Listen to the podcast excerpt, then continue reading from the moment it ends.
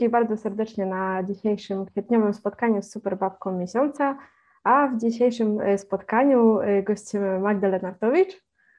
Cześć. Może na sam początek byś powiedziała kilka słów o sobie, o tym, czym się zajmujesz obecnie, może czym wcześniej się zajmowałaś, tak na dobry początek.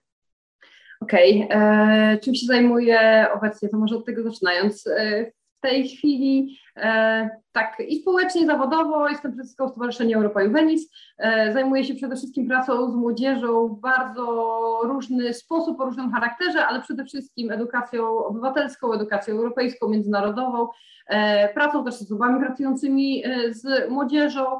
E, realizuję projekty edukacyjne, warsztaty, szkolenia. E, oprócz tego jestem też instruktorką harcerską. Czyli ogólnie rzecz biorąc, można by powiedzieć, taka działalność e, społeczna. Tak, tak, przede wszystkim. No to takie, e, nazwijmy to NGO-sowe, czyli pozarządowe klimaty, mhm. to, to najbardziej jakby w, w tym kierunku myślę.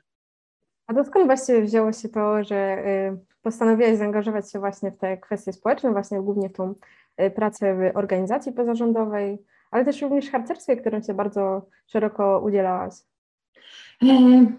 Nie powiedziałabym, że skąd się wzięło, bo to były rzeczy, które gdzieś tam zawsze się działy naturalnie. To znaczy, e, tak naprawdę, to jakbym miała powiedzieć, to myślę, że jeszcze od liceum gdzieś tam, gdzie ja e, byłam na profilu europejskim, to akurat był czas, kiedy Polska wchodziła do Unii Europejskiej, więc e, siłą rzeczy my byliśmy e, takim szkolnym towarem eksportowym na wszystkie debaty, spotkania, warsztaty, e, tego typu rzeczy. E, I to były rzeczy, które jakby wychodziły w mocno naturalny sposób. Mm, pod kątem tego, że pojawiały się pomysły, chcieliśmy te pomysły e, realizować. Ja też na studiach zaczęłam w Krakowie e, działać właśnie w takim stowarzyszeniu, e, które zrzeszało głównie studentów, ale pracowało na rzecz młodzieży też młodszej, też robiliśmy różne warsztaty, spotkania, akcje, kampanie, tego typu rzeczy.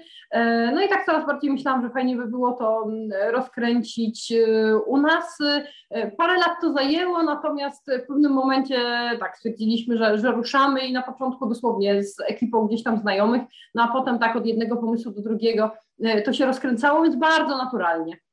Natomiast harcersko podobnie tak naprawdę, to znaczy e, w harcerstwie to się wszystko dzieje w taki naturalny sposób. E, ja zaczęłam stosunkowo późno swoją aktywność tak naprawdę instruktorską, to znaczy z ZHP jestem długo, bardzo długo i może nie mówmy jak długo, Natomiast e, tak naprawdę to drużynę swoją harcerską zaczęłam prowadzić dopiero na studiach, po pierwszym roku studiów, czyli kiedy miałam te 19-20 lat, co jak na ZHP jest takim czasem wcale nie bardzo wczesnym. E, I potem też e, to były rzeczy, które się działy naturalnie, to znaczy od potrzeby zrobienia czegoś, ruszenia z jakimś nowym obszarem, e, zmiany, rozkręcenia pomysłu, tak się rozwijało, rozwijało. Na szczeblu chówca, czyli tym miejsko-powiatowym, nazwijmy to, aż do chorągwi, czyli szczebla wojewódzkiego w ZKP, to jakby takie nazewnictwo. Natomiast no, u mnie to są wszystko rzeczy, które właśnie dzieją się z pomysłu, z potrzeby, z dostrzeżenia potrzeby, z jakiejś idei, która się gdzieś tam pojawia i kręci i potem to się rozwija dalej. Więc bardziej w tą stronę niż na zasadzie jakiejś konkretnej jednej inspiracji czy jednej ścieżki. Może pamiętasz yy, właściwie, jak zaczęła się Twoja przygoda z harcerstwem, bo myślę, że to chyba taki najwcześniejszy okres był Twojej działalności to bardziej no, powiedziałabym może aktywności i działalności, bo mhm. E, ja do harcerstwa przyszłam jak miałam 10 lat, o. więc to było dawno, dawno, dawno temu. E, I na początku to jeszcze była drużyna, która e, działała u mnie w Chmielowicach pod Opolem, bo e, ja jestem z Chmielowic, teraz Chmielowice już są Opolem, natomiast wtedy jeszcze nie były i u nas na wiosce wtedy powstała drużyna. Ona funkcjonowała chyba ze 2-3 lata, jakoś tak. Potem drużyna przestała działać, ale my dołączyliśmy do drużyny w Opolu i już tam harcersko działaliśmy. Natomiast tak naprawdę właśnie na przełomie liceum, studiów gdzieś tam zaczęłam działać mocno mocniej, najpierw w drużynie, do której należałam, potem już założyłam swoją drużynę, tak zwaną starszą harcerską, czyli ludzi już w wieku gimnazjalnym, e, no i potem gdzieś tam to się dalej e, rozwijało w tym kierunku. Czyli właściwie tak od najmłodszych lat zaczęłaś y, angażować się w te sprawy harcerskie. Nie powiedziałabym aż tak, paradoksalnie. To mhm. znaczy, jak są sobie różne funkcje w harcerstwie, nazwijmy to od dzieciaka, znaczy tam od poziomu zastępowego i tak dalej, to ja tych funkcji nie pełniłam. E, ja działałam, znaczy działałam, byłam członkiem drużyny, byłam harcerką, jeździłam na obozy i tak dalej, e, natomiast e, właśnie nie, w tym czasie, kiedy gdzieś tam znajomi mając te 13-14 lat już różnych funkcji podejmowali, to ja w tamtym momencie tak trochę byłam przychodząco, odchodząco, przychodząco, odchodząco i to było takie mocno falujące. U mnie to tak naprawdę zaskoczyło później, to znaczy już tak pod koniec liceum, na początku studiów, trochę też właśnie dla dlatego, e, że tą moją grupą, z którą mi się dobrze pracowało, mm, była trochę, już bardziej młodzież niż dzieciaki, więc jak nam się pojawili tacy ludzie w drużynie, mi się też dobrze z nimi pracowało, no potem to e, doprowadziło do tego, że ja też swoją drużynę harcerską założyłam, starszą harcerską w tym przypadku, e, ale właśnie w tym, w tym kierunku, to znaczy, jak to mówią, za dzieciaka nie aż tak bardzo, natomiast później tak naprawdę już, już od studiów to, to się rozwinęło dość mocno, dynamicznie i, i myślę, że szybko. To całkiem ciekawa e, kwestia. E, działalność e, właśnie w harcerstwie i taka, takie zaangażowanie w trakcie studiów, bo jednak studia to trochę pochłaniają czasu, też w zależności od kierunku, wiadomo, i od uczelni, no ale chcąc, nie chcąc, to trzeba jednak wygospodarować taką przestrzeń w czasie, żeby się oddać takiej, hmm, nie jak to powiedzieć, formie spędzania czasu wolnego, ale też może pasji, Y, z drugiej strony mogłaś równie dobrze iść na przykład do pracy i z tego byś miała pieniądze. I czym właśnie kierowałaś się przy wyborze tego harcerstwa? Znaczy, e, ja bym w ogóle e, powiedziała tak, e, ja się nie zgadzam z tezą, że to jest nie do pogodzenia i że jest trudne do pogodzenia, bo ja studiowałam dwa kierunki jednocześnie, tak naprawdę przez całe studia. I nie studiowałam w Opolu, tylko studiowałam w Krakowie na UJ, a działałam harcersko w Opolu. I nie miałam w żadnym momencie problemu z pogodzeniem tych rzeczy, to znaczy ani studiów, ani aktywności tutaj w Opolu, ani gdzieś tam rzeczy, które robiłam równolegle, bo właśnie działałam tam w stowarzyszeniu w Krakowie, gdzie też prowadziliśmy jakieś zajęcia, uczestniczyłam w jakimś tam wolontariacie też tam na miejscu, w różnych innych rzeczach. Oczywiście, że to zawsze było takie trochę życie kawałek tu, kawałek tu. To znaczy bardziej w środku tygodnia to był Kraków, a bardziej weekendy to było Opole, bo ja rzeczywiście przyjeżdżałam na te weekendy do Opola, ale nie powiedziałabym też, że to właśnie wymagało jakiegoś takiego skrajnego poświęcenia, nie wręcz przeciwnie. To była gdzieś tam banda przyjaciół, z którymi robiliśmy różne rzeczy, świetna przygoda, takie rzeczy, które też napędzały, ale też zdobywanie, tak jak już mielibyśmy to przełożyć na grunt taki rzeczywiście, e, nazwijmy to zawodowy, e, całej masy różnych doświadczeń. To znaczy ja potem, e, zaczynając rzeczywiście po kilku latach już pracę w sektorze pozarządowym, dużą część, teraz to też widzę, jak mierzę się z wdrażaniem nowych pracowników i z tym, mm, jak komuś coś wytłumaczyć, bo ja się też dużej ilości, tak naprawdę większości rzeczy uczyłam sama więc ciężko mi to wejść, ale, ale jakby teraz widzę, że e, dużą część tych rzeczy miałam okazję już wcześniej, że tak powiem, przerobić w harcerstwie, to znaczy na poziomie i organizacji przedsięwzięć, ale też pozyskiwania środków, realizacji działań lokalnych, współpracy lokalnej, współpracy samorządowej. To było wszystko, to były rzeczy, których ja się nauczyłam tak naprawdę w ZHP, jeszcze zanim rozwinęłam taką swoją działalność stricte mm, w innych organizacjach pozarządowych. To znaczy zawsze, nazwijmy to działka taka obywatelska, to, było, to był mój temat i to z kolei było w drugą stronę, to znaczy My jako, jako Chorągiew już ZKP też realizowaliśmy dużo projektów, które e, nie były projektami jakby takimi stricte harcerskimi czy stereotypowo harcerskimi, e, tylko też Współpracowaliśmy mocno e, za granicą, jeździliśmy po świecie, robiliśmy projekty ekologiczne dotyczące przedsiębiorczości, dotyczące właśnie aktywności społecznej, e, wolontariatu, żeby pokazać, że harcerstwo e, ma wychowywać, ale wychowywać do życia, do dorosłego życia, ma kształtować postawy, ma kształtować świadomość, e, więc mocno też w tym kierunku e, szliśmy, e, łącząc to z takimi typowo leśnymi, harcerskimi formami blisko natury, więc to takie kombo bym powiedziała. Natomiast z mojej strony to raczej mm, w żadnym momencie nie miałam poczucia, że to jest e, coś, co e, zabiera mi jakiś czas, który mogłabym poświęcić na coś, wręcz przeciwnie, że to e, z jednej strony ścieżka rozwoju, przygoda, przyjaciele, dużo frajdy, ale z drugiej strony rzeczywiście zdobywanie masy bardzo, bardzo różnych życiowych doświadczeń, które akurat u mnie bardzo potem zaprocentowały i miały takiego dużo przełożenia na rzeczy, które robiłam później. Zresztą mają do dzisiaj, myślę. Bardzo za informację. Tak sobie teraz w trakcie pomyślałam, że może część osób, które nas będą oglądać, nie do końca miała okazję wcześniej działać w harcerstwie, w ZHP, w ZHR i w innych organizacjach, to może tak w kilku słowach chciałabyś zachęcić te osoby, które nas teraz oglądają, do tego, żeby jednak włączyć się w taką działalność.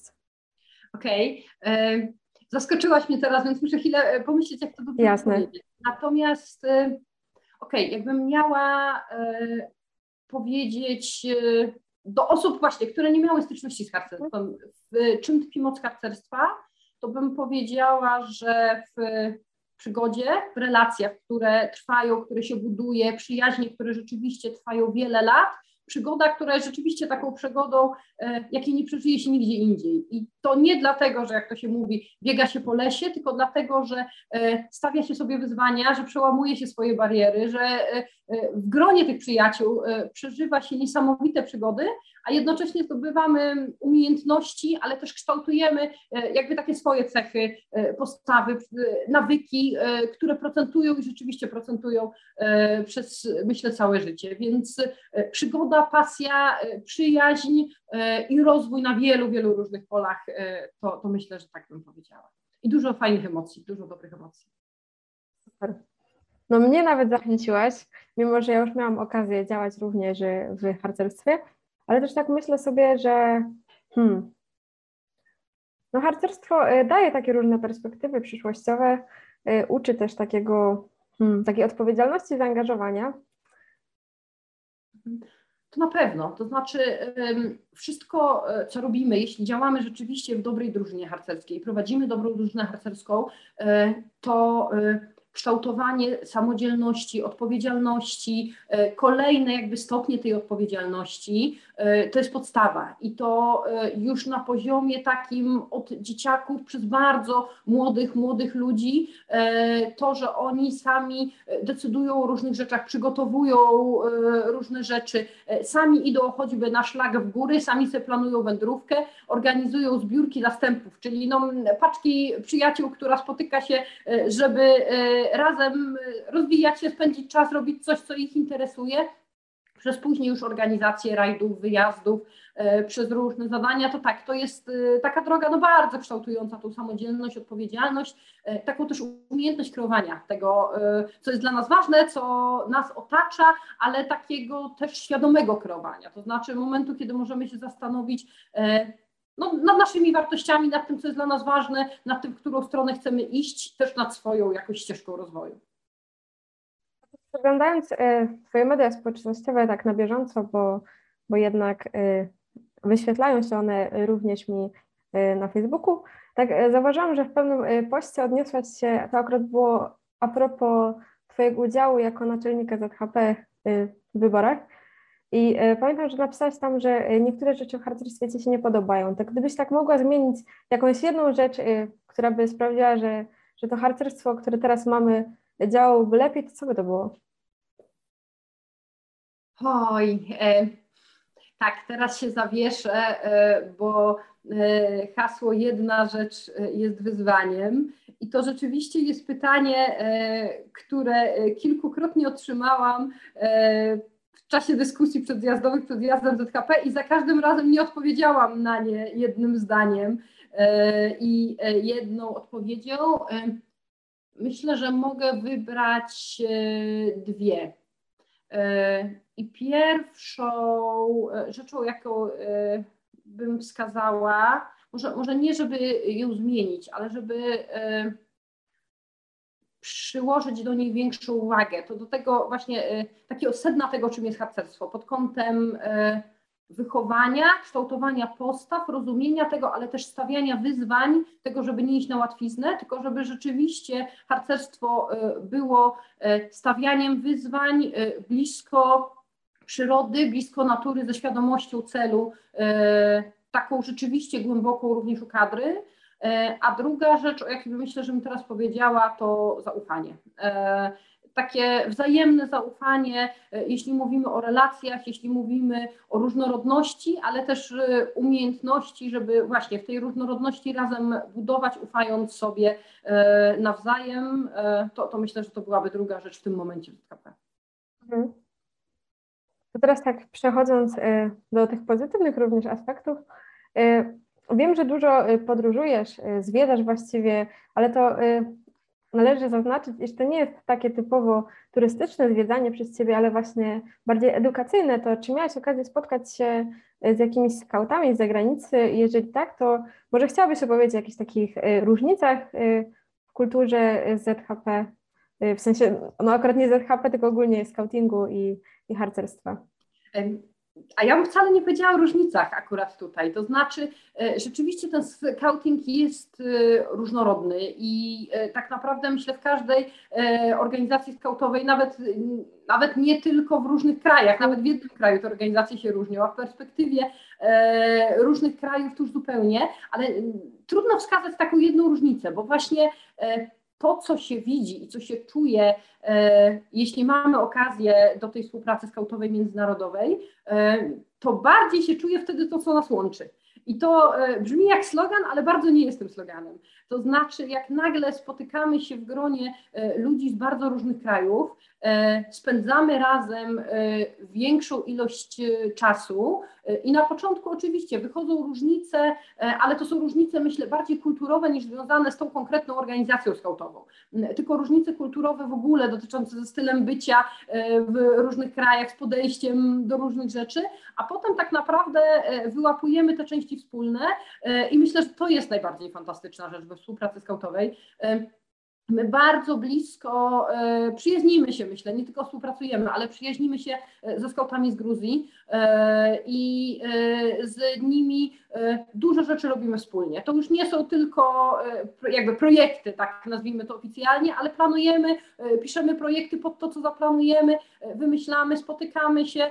Teraz nam pandemia przeszkodziła, znaczy mieliśmy dwa lata przerwy. Natomiast przez ostatnie lata minimum raz do roku się widzieliśmy w różnych sytuacjach, albo to były E, takie stricte e, wymiany młodzieżowe, wyjazdy, wspólne obozy, albo to były jakieś szkolenia dla kadry, tego typu rzeczy.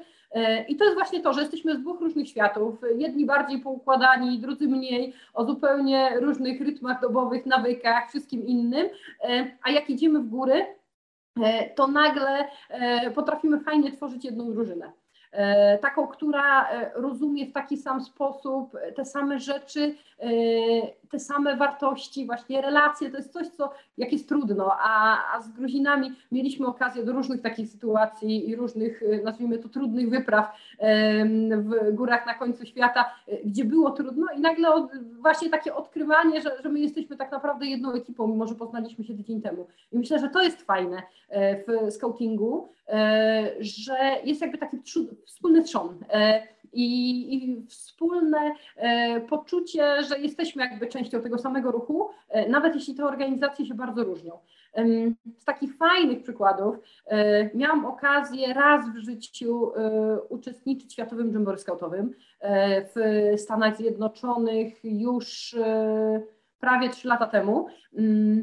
I e, otwarcie Jumbo to było świetne wydarzenie, to znaczy e, ogromny, ogromny, ogromny teren, wzgórza, scena na środku, nazwijmy to taka e, atmosfera, jak to właśnie inauguracje wielkich imprez albo bardzo duże koncerty, 40 tysięcy ludzi z całego świata i na otwarcie całość była do muzyki z Króla Lwa.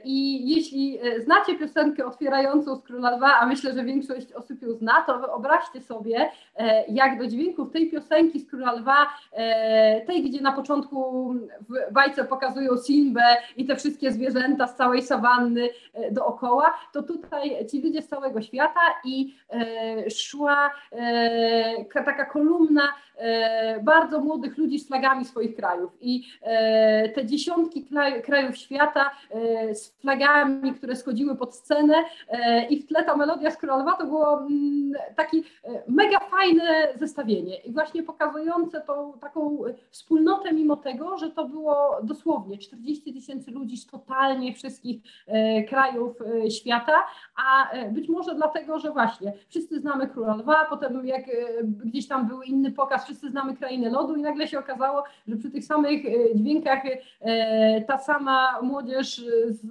bardzo, bardzo wielu krajów się w taki sam sposób bawi i to takie bardzo charakterystyczne wydarzenie, ale, ale pamiętam, że to był taki moment, kiedy poczułam moc scoutingu, jak te tysiące ludzi naraz do tego Króla Lwa z tymi flagami wymachując przeszły koło nas, to, to było fantastyczne wrażenie. No tak samo opowieści wydaje się taką niesamowitą sytuacją, takim przeżyciem na całe życie też. Jest, jest, to prawda. Jumbo to faktycznie było takie wydarzenie. Ja mam gdzieś tam e, swoją, nazwijmy to, kolekcję różnych e, skautowych wspomnień, tego typu rzeczy. E, natomiast Jambory dla mnie było wyjątkowym wydarzeniem. Też być może dlatego, że na co dzień się zajmuję właśnie edukacją międzykulturową, projektami międzynarodowymi, jakby promowaniem tego, e, więc wydarzenie, które jest rzeczywiście, myślę, największym wydarzeniem edukacyjnym świata, gdzie spotykają się dzieci, młodzież z bardzo wielu różnych krajów na zajęciach, na warsztatach, Mm, tam są też różne bieżące, ważne społeczne tematy poruszane, też w czasie zajęć, bo są wioski tematyczne. E, dużo było o ekologii, o zrównoważonym rozwoju, o prawach człowieka, e, o bardzo wielu takich poważnych tematach i nagle spotykamy się w takim międzynarodowym gronie, żeby się tym zajmować, ale w fajny sposób, poprzez gry, poprzez jakieś symulacje, warsztaty, zajęcia integracyjne, tańce, koncerty, wszystko, więc to, to rzeczywiście takie wyjątkowe wydarzenie. Tak ciężko było wziąć udział w takim wydarzeniu, bo jednak to musi być jakaś taka mniejsza grupa osób z poszczególnych krajów, żeby jednak y, jak największa liczba osób i przedstawicieli mogła wziąć udział. Czy były jakieś takie konkretne wymagania, żeby udać się na taki wyjazd, czy to raczej było w y, jakiś inny sposób wybierane? Ja akurat e, byłam na Jamboree jako kadra kontyngentu, więc e, nie mhm. brałam udziału w rekrutacji, e, tylko ponieważ zajmuję się pozyskiwaniem środków, pisaniem projektów, rozliczeniami, to zostałam zaproszona do zespołu, który właśnie się tym zajmował na potrzeby polskiej reprezentacji, czyli pisaniem wniosków grantowych, a przede wszystkim rozliczeniem, dokumentacją i tak dalej. E, więc e, jakby to było, przede wszystkim to były moje zadania przed Jambory i po Jambory, natomiast y, z tej okazji tam się też e, mogłam znaleźć, natomiast w trakcie odpowiadaliśmy za namiot Polski, który, który promował Polskę na samym Jumbo. Natomiast jeśli chodzi o uczestników, to jeśli mówimy o, o jak uczestnikach Jumbo, czyli dzieci, młodzież, która może brać w tym udział, to zasada jest taka, że w Jambory można wziąć udział tylko raz w życiu.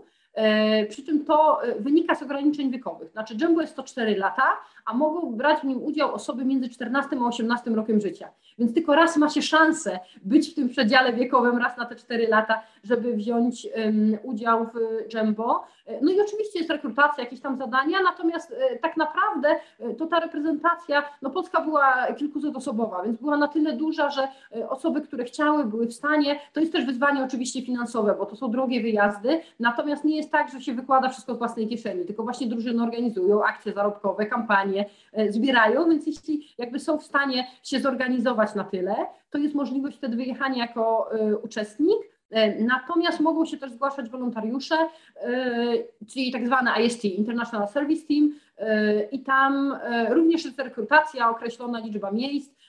No kwestia tego, żeby jakby trochę opowiedzieć o motywacji, trochę o doświadczeniach, trzeba się porozumiewać komunikatywnie w języku angielskim i, i tak naprawdę to jest wszystko, co trzeba zrobić, żeby móc wyjechać. No to dzięki bardzo za informację w tej kwestii, bo może jakaś osoba w tym y, przedziale wiekowym y, będzie miała okazję kiedyś pojechać na taki wyjazd. To patrząc na to pod y, względem perspektywy pandemii, to dużo osób musiało przegapić niestety taką swoją okazję Y, nie, tutaj nie, ponieważ poprzednie Jumbo było w 2019, a następne Aha. jest w 2023 roku, więc akurat o. pandemia zmieściła się po środku e, i, i tutaj jakby nic się nie stało pod tym względem. O, no to widzisz, to akurat tak się złożyło, że idealnie czasowo to wyszło. A jeżeli chodzi właśnie o takie różne projekty, to może chciałabyś nam opowiedzieć o jakimś takim pierwszym projekcie, który miałaś okazję może współtworzyć albo tworzyć samodzielnie, albo właśnie pisać wniosek na ten temat, albo jeżeli e, niekoniecznie pamiętasz teraz coś w tym stylu, to można też powiedzieć o takim, z który najbardziej zapamiętałaś, może którego najbardziej Ci zależało, czy, czy byłaś dumna? Mhm. Okej, okay, to myślę, że w tym drugim kierunku, bo e, trudno mi wskazać pierwszy, bo my zaczynaliśmy od e, masy różnych takich drobnych często działań, które się działy lokalnie, od gdzieś tam e, pojedynczych warsztatów, tego typu rzeczy, a potem coraz więcej, coraz więcej. Natomiast taki myślę projekt, który był moim zdaniem ważny, ale nie tylko dla mnie, tylko pod kątem tego, że e, on do dzisiaj e, ma swoje efekty, które widać. E, to był projekt Wind of Youth, w ramach którego opracowywaliśmy regionalną strategię młodzieżową. I myślę, że to był taki fajny przykład, ponieważ ten projekt, myślę, że dla wszystkich, którzy w nim uczestniczyli, był świetną przygodą z jednej strony, ale z drugiej strony dał konkretny efekt, y, czyli właśnie te zapisy, założenia e, o polskiej strategii dla młodzieży, e, które do dzisiaj krążą, są wykorzystywane, są kawałek po kawałku realizowane, są punktem odniesienia. Tak naprawdę to była jedna z pierwszych regionalnych strategii młodzieżowych, jakie w ogóle w Polsce powstały. Toczy się spór, czy pierwsza, czy druga, więc powiem jedna z pierwszych bezpiecznie i dyplomatycznie. Natomiast to był projekt, gdzie razem z Forum Młodzieży E, które też wtedy zaczynało. To znaczy, to była druga kadencja e, Forum Młodzieży Samorządu Województwa Opolskiego. Więc ta pierwsza roczna była taką testową, próbną, a potem od drugiej kadencji już bardzo ostro ruszyliśmy, bo właśnie zadaniem e, przewodnim było opracowanie założeń strategii i w ramach tego projektu i wydarzenia tutaj nasze lokalne, regionalne, spotkania, warsztaty, praca robocza, ale też gościliśmy młodzież z Katalonii u nas i to taka pierwsza okazja do kontaktu e, międzynarodowego dla dużej e, części z nas była, ale też byliśmy na wizycie studyjnej w Barcelonie w terasie, mm, więc taki myślę fajny wyjazd, który e, dużo osób pamięta pierwszy kongres młodzieżowy, który się e, wtedy odbywał e, całkiem spontanicznie. To znaczy, pojechaliśmy z ekipą z forum do Warszawy, e, tam na kongres ogólnopolski. Stwierdziliśmy, że chcemy zrobić coś takiego u nas, tylko trochę inaczej. Zebraliśmy pomysły. W ramach tego projektu, właśnie w ramach konsultacji strategii, udało nam się ten kongres zrealizować, więc kongres się narodził tak naprawdę w ramach tego projektu. Strategia się narodziła w ramach tego projektu, ale taka też myślę, pasja i okazja do dotknięcia tej międzynarodowej współpracy, to, e, że chcemy wyciągać trochę ludzi z Opolszczyzny w ten świat, chcemy ten świat odkrywać, zobaczyć, to też się narodziło w czasie tego e, projektu, więc to taki projekt, który e, trwał no dwa i pół roku, natomiast myślę, że był takim fajnym symbolem bardzo wielu różnych rzeczy, które chcielibyśmy budować pod kątem współpracy, integracji, współpracy międzynarodowej, ale też takich już konkretnych kierunków dla młodych na Opolszczyźnie, na których których teraz budujemy cały czas. Czyli to rzeczywiście rozpoczęło to taki większy projekt przedsięwzięcia, a czy on dalej trwa? Ten projekt się akurat już skończył, natomiast mhm. to, co powstało w ramach strategii, to można powiedzieć, że trwa. To znaczy, my jeszcze przed Windem, e, bo tak potocznie gdzieś tam mówiliśmy przed Windem, e, e, robiliśmy różne rzeczy i zaczęliśmy robić różne rzeczy związane z rozwojem rad młodzieżowych. I w ramach tamtych wcześniejszych projektów powstawały rady młodzieżowe w całym województwie. Część przetrwała, część nie. To zależało częściowo od uwarunkowań lokalnych, od samorządów, częściowo od opiekunów, częściowo od tego, że czasem się gdzieś tam ekipa pojawiła, potem wyrosła, a już nikt tego dalej nie pociągnął, więc bardzo różnie, ale część z tych rad dalej działa i też w ramach tego właśnie wcześniejszego projektu, on się nazywał Mamy Radę, Damy Radę, yy, powstało Forum Młodzieży, więc forum też trwa cały czas. Mm, no i teraz yy, to, co robimy, to staramy się rozwijać trochę e, te rzeczy, jakby te zalążki, które powstały wcześniej, to znaczy wspierać rady młodzieżowe e, w województwie, tam gdzie one działają, e, wspierać tworzenie rad młodzieżowych w nowych gminach, bo tych gmin rzeczywiście przybywa takich, które chcą teraz te rady młodzieżowe tworzyć. Na początku to była taka ostrożność i trochę nikt nie wiedział, o co w tym chodzi jeszcze te 4-5 lat temu, natomiast w tej chwili coraz więcej gmin rzeczywiście chce, próbuje, daje też opiekunów dla tych rad, i to się e, rozwija, mm, ale też kolejne rzeczy, które gdzieś tam w tej strategii zostały e, zapisane, się dzieją. I to, co jest fajne, to że już się dzieją nie tylko dlatego, że my gdzieś tam coś pociągniemy, ale że one się dzieją niezależnie. To znaczy, że są realizowane przez gminy, przez województwo, przez młodzież, przez młodych liderów w różnych miejscach. E, teraz e, powstał e, konkurs, jakby my go nazywamy potocznie regrantingiem, ale konkurs na dofinansowanie inicjatyw młodzieżowych. I, I tak naprawdę w całym regionie gdzieś tam te projekty mają się dziać. Właśnie powstają nowe rady. Ma powstawać sejmik młodzieżowy na bazie forum. Coraz więcej jest przedsięwzięć takich międzynarodowych, właśnie wymian różnych rzeczy, więc to, co tam nam gdzieś kiedyś w głowie się urodziło. Przy czym nam to nie tylko nam w stowarzyszeniu, ale właśnie tą ekipą e, młodzieżową, z którą wtedy pracowaliśmy, e, to zostało gdzieś tam popchnięte, wypracowane przez nich, to teraz się dzieje i myślę, że to jest fajne, że rzeczywiście zaczynaliśmy nie chcę powiedzieć od zera, ale od takiego punktu, gdzie e, nie mówiło się o czymś takim jak polityka młodzieżowa i to w ogóle było totalnie dziwne, odległe e, słowo, gdzie raz mieliśmy pięć może e, na całe województwo, a teraz mamy ich około 20. One sobie radzą raz lepiej, raz gorzej, różnie to bywa, ale są, starają się i coraz częściej mówimy o tym, że rzeczywiście ta młodzież jest priorytetem, że to jest ważny kierunek. To się w ogóle pojawiło i myślę, że to jest fantastyczne w strategii województwa tej nowej teraz, że polityka młodzieżowa, rozwijanie działań na rzecz młodzieży jest jednym z priorytetów e, i myślę, że to jest świetna rzecz. E, wciąż wróciliśmy ostatnio z wizyty studyjnej na Islandii, więc wciąż wiemy, że dużo przed nami. E, bo marzy nam się taki e, świat, w którym e, tam w każdej miejscowości jest centrum młodzieżowe albo klub młodzieżowy, a tak naprawdę to niemalże przy każdej szkole, więc przy większych miejscowościach nawet kilka jest tych klubów i centrów młodzieżowych.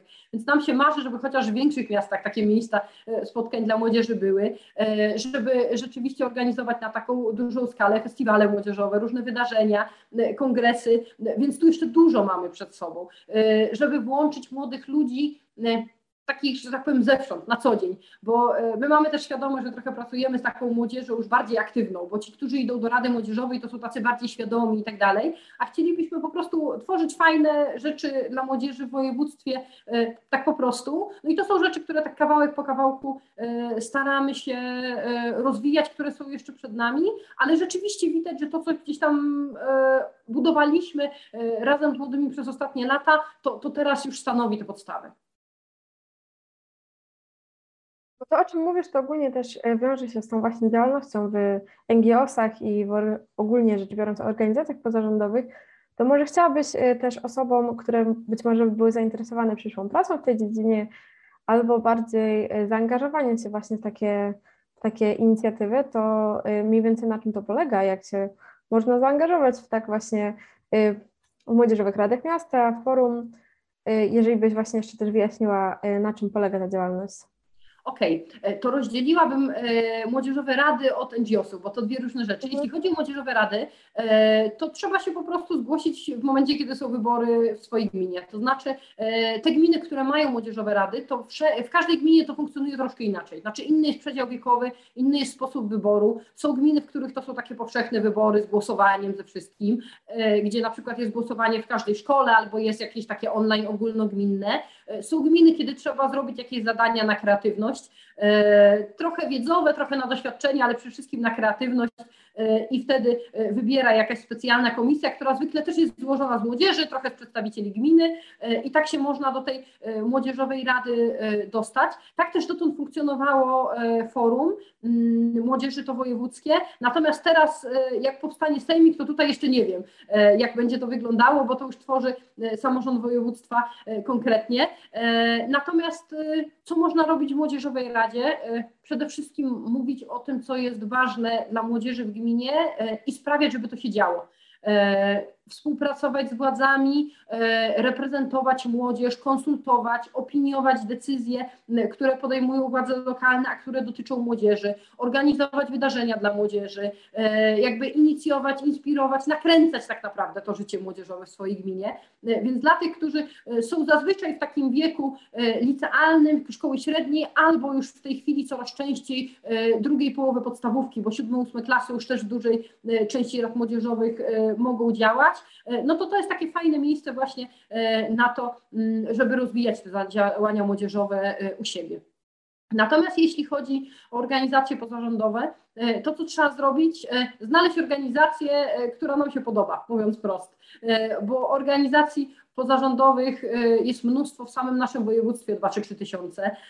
One się zajmują bardzo różnymi tematami. To znaczy, my się zajmujemy młodzieżą, współpracą międzynarodową, edukacją obywatelską, europejską, ale są organizacje, które się zajmują sportem, są organizacje, które się zajmują kulturą, turystyką, pracą z dziećmi, prawami człowieka, prawami kobiet, ekologią. Mnóstwo jest tych tematów, więc przede wszystkim to jest kwestia tego, żeby po prostu znaleźć to, co nas kręci, bo stowarzyszenia z zasady opierają się na pomysłach i działaniu ludzi, którzy w nich działają. E, stowarzyszenia mogą zatrudniać ludzi, jeśli mają jakieś projekty, mają jakieś akcje, na których zarabiają, stać je na to, dostają jakieś dotacje, e, ale projekty to jest tylko jeden ze sposobów działania organizacji. E, natomiast jednocześnie stowarzyszenia są przede wszystkim oparte na ludziach. E, trochę się mówi, że e, jak masz e, pieniądze, to załóż fundację, wtedy możesz samodzielnie kreować działania i je fundować, chociaż to są wciąż działania społeczne, działania z misją, a jak masz przyjaciół, to załóż stowarzyszenie. Teraz coraz więcej fundacji też działa de facto jak stowarzyszenia, znaczy buduje społeczność ludzi dookoła, ma członków, jakby buduje takie fajne grono i myślę, że to jest kluczowe bo NGOsy nakręcają ludzie, którzy w nich są, e, ludzie, którzy zdecydowaną większość tych rzeczy robią społecznie. E, natomiast potem e, można też się rozwijać, co się, co się dzieje zawodowo w ramach organizacji pozarządowych, tam gdzie są projekty. To są projekty różne, edukacyjne, charytatywne, społeczne, właśnie tematyczne, specjalistyczne, ekologiczne na przykład. Natomiast to jest taki miks. To, co dla mnie jest kluczem w organizacjach pozarządowych, to właśnie ta taka pasja ludzi, którzy chcą działać. I można dołączyć jako wolontariusz. To nie trzeba być członkiem stowarzyszenia, tylko można e, pomagać albo dorywczo, akcyjnie przy różnych e, pojedynczych wydarzeniach, albo można dołączyć jako wolontariusz e, taki stały, długoterminowy, gdzie uczestniczymy regularnie w różnych działaniach organizacji, a można zostać członkiem stowarzyszenia, wtedy już mamy wpływ na to, co się w nim dzieje, wybieramy władzę, decydujemy o kierunkach i tak dalej, i tak dalej, bo stowarzyszenie jakby z zasady jest współtworzone rzeczywiście przez swoich członków. Dzięki bardzo za tak obszerną informację na ten temat, bo y, jest to coś, co również mnie ciekawie właściwie, bo, bo taka działalność społeczna jest y, bardzo przydatna w mieście i teraz na przestrzeni lat też można bardzo zauważyć tą różnicę, kiedy te organizacje działały trochę słabiej, trochę bardziej aktywnie, a też to, że powstało bardzo dużo innych właśnie nowych organizacji i jak one wpłynęły y, na to, co teraz mamy w miastach wojewódzkich, Y, w województwach, ogólnie we wsiach nawet, y, bo za, można zauważyć bardzo dużą aktywizację terenów y, pozamiejskich. Ale tak, zważając też na sam cel naszego spotkania, to chcielibyśmy móc zainspirować różne kobiety i nie tylko do różnych właśnie aktywności, do, do udzielania się jednak, do angażowania się, do tego, żeby mieć realny wpływ na to, gdzie żyjemy i jak żyjemy. Ale chciałabym Cię też zapytać o taką trochę y, gorszą część, y, może nie gorszą, a hmm, nie wiem, jak znaleźć odpowiednie słowo na ten temat, ale chodzi mi bardziej, żebyś y, opowiedziała nam o jakimś takim jednym fuck upie albo czymś, co nie wyszło kiedyś i tak ci utkwiło w pamięci, ale jednocześnie udało ci się wyciągnąć coś z tego pożytecznego i takiego pozytywnego dla siebie. Hmm. Muszę pomyśleć. Bo fuck upy Fakapy to jest coś, co się zdarza regularnie. To znaczy, jak się robi dużo rzeczy, zresztą w ogóle jak się, jak się robi jakieś rzeczy, mm, to e, zawsze się zdarzają e, jakieś, nazwijmy to właśnie, e, fakapy czy sytuacje, które się rozjeżdżają. Ja uważam, że to jest wpisane w działanie, więc nie wiem, czy rejestr...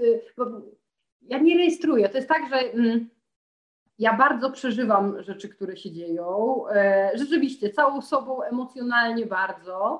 E, bardzo mocno przeżywam rzeczy, które się nie udają w danym momencie, ale e, potem też idę dalej. I, i faktycznie mam, mam trudność, żeby sobie teraz przywołać przykład. Ja właściwie nie wiem, czy jest konieczność, żebyś przywołała przykład, bo to, co przed chwilą powiedziałaś, miało bardzo dużą wartość merytoryczną, moim zdaniem. Bo tak właśnie powiedziałeś, że że można się przyjąć tym danym momencie, ale potem idziemy dalej, robimy coś innego i wtedy to jest ważne, a nie to, co nie wyszło wcześniej, bo jeżeli byśmy się skupiali na tych negatywnych aspektach tego, co nam nie wyszło, to być może zaczęlibyśmy wątpić w to, co robimy, a kolejnymi projektami, które się udają, jednak potwierdzamy to, że tak naprawdę wiemy, co robimy i to, że coś nie wyszło, to, to się zdarza po prostu.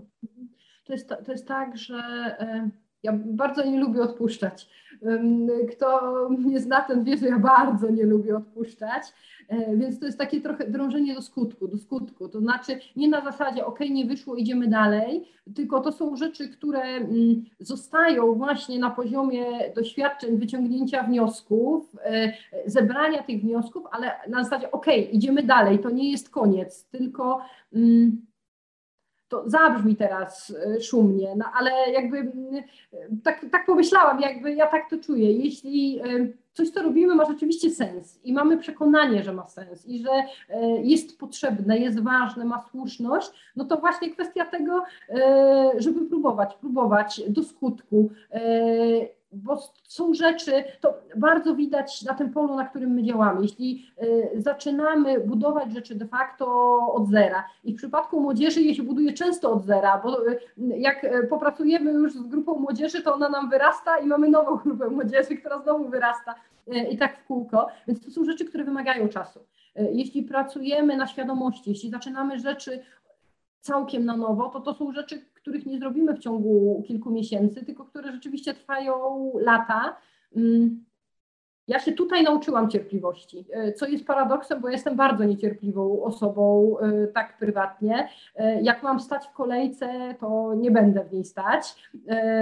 Bank wybierałam na zasadzie takiej, w którym była najmniejsza kolejka do założenia konta, a wszystko inne można robić internetowo i tak dalej, tak, więc jestem bardzo niecierpliwą osobą. Natomiast pod tym względem nauczyłam się cierpliwości w tym, że efekty nie przechodzą od razu, ale że to wcale nie znaczy, że ich nie ma i nie będzie, e, tylko czasem przychodzą po kilku latach i w bardzo nieprzewidziany sposób. E, więc myślę, że w tą stronę, bo jak jak mówiłaś o trudnych sytuacjach, nie przyszły mi do głowy fakapy, przyszły mi do głowy różne sytuacje, przede wszystkim z gruntu ZHP akurat, bo tam rzeczywiście przez lata staraliśmy się coś zbudować zupełnie od nowa, zupełnie inaczej niż wcześniej i to trwało i miało takie swoje momenty topów i totalnych zjazdów, gdzie na przykład po, po dwóch latach wydawało się, że za chwilę będzie trzeba budować znowu od nowa, że człowiek człowiek coś na chwilę zostawił, stwierdził, że już nie musi,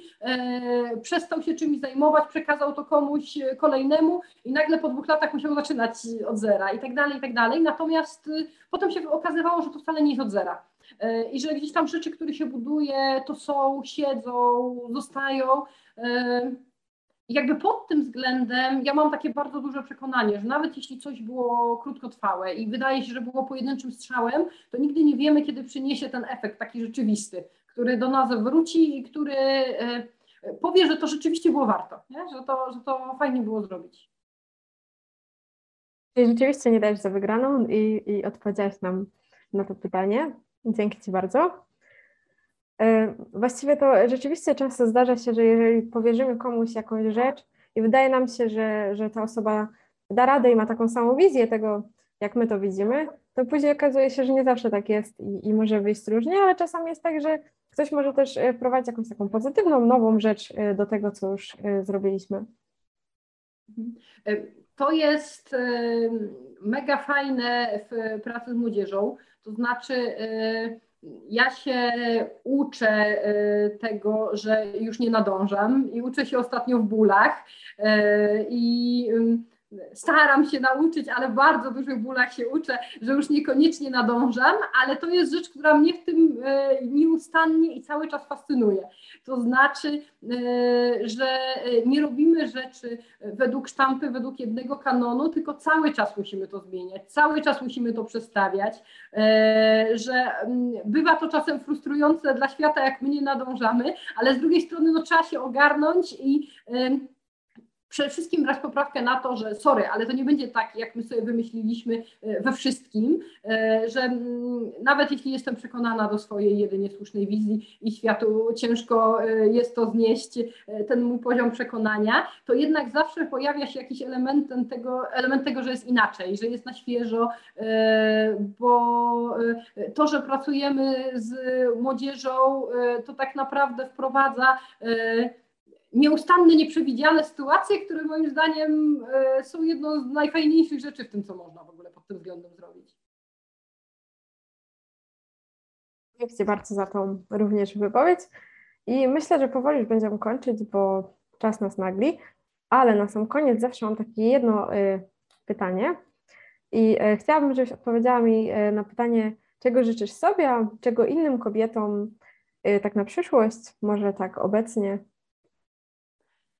To odpowiem na oba pytania jednocześnie.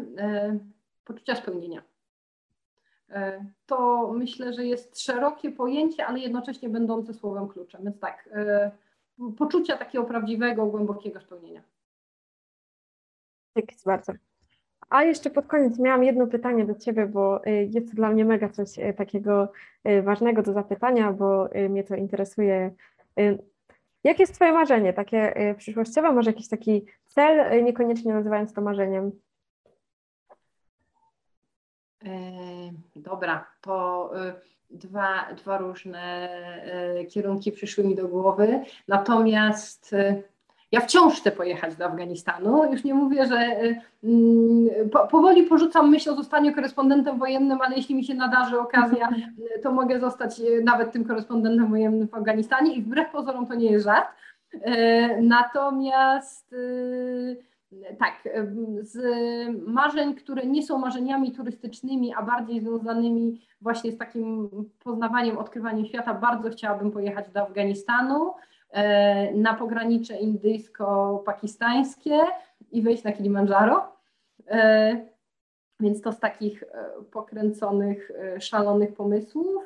A z, z, drugiej strony całkiem na poważnie to się wiąże gdzieś tam z tym e, spełnieniem. E, no to myślę, że takie rzeczy nazwijmy to klasyczne, typu, typu rodzina. Trochę sprzeczne z jeżdżeniem do Afganistanu, ale właśnie takie poukładanie się, nazwijmy to bardziej stabilnie na miejscu. Ale dla mnie to nie jest sprzeczne. Ja mogę jechać zawsze i zaraz i, i moje dziecko kiedyś będzie miało ciężkie życie, bo będzie jeździć w mhm. bardzo dziwne miejsca i one nie będą bardzo europejskie.